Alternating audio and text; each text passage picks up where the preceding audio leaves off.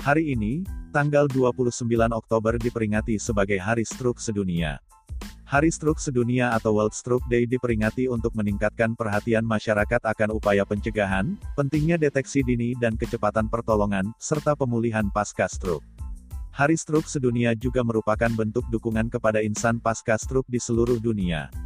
Pada hari ini, Tak lupa saya ucapkan rasa salut dan penghargaan setinggi-tingginya kepada seluruh insan pasca stroke di Kabupaten Trenggalek, serta kepada keluarga dan orang-orang yang tetap setia menemaninya berjuang di masa pemulihan dengan penuh cinta.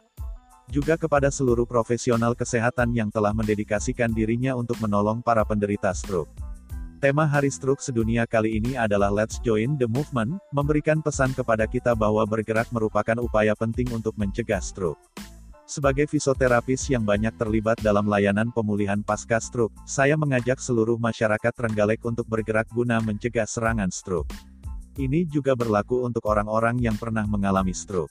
Aktivitas fisik dapat meningkatkan kebugaran, mendukung pemulihan, mencegah depresi serta meminimalisir terjadinya serangan ulang stroke. Aktivitas fisik dapat dilakukan oleh siapa pun termasuk oleh insan pasca stroke. Bisa dilakukan dengan berlari kecil, berjalan atau menari menggoyang-goyangkan badan meski Anda sedang menggunakan tongkat sekalipun. Aktivitas fisik juga bisa dilakukan sambil duduk di kursi roda atau berbaring di atas tempat tidur. Keterbatasan fisik setelah stroke bukanlah penghambat untuk bergerak.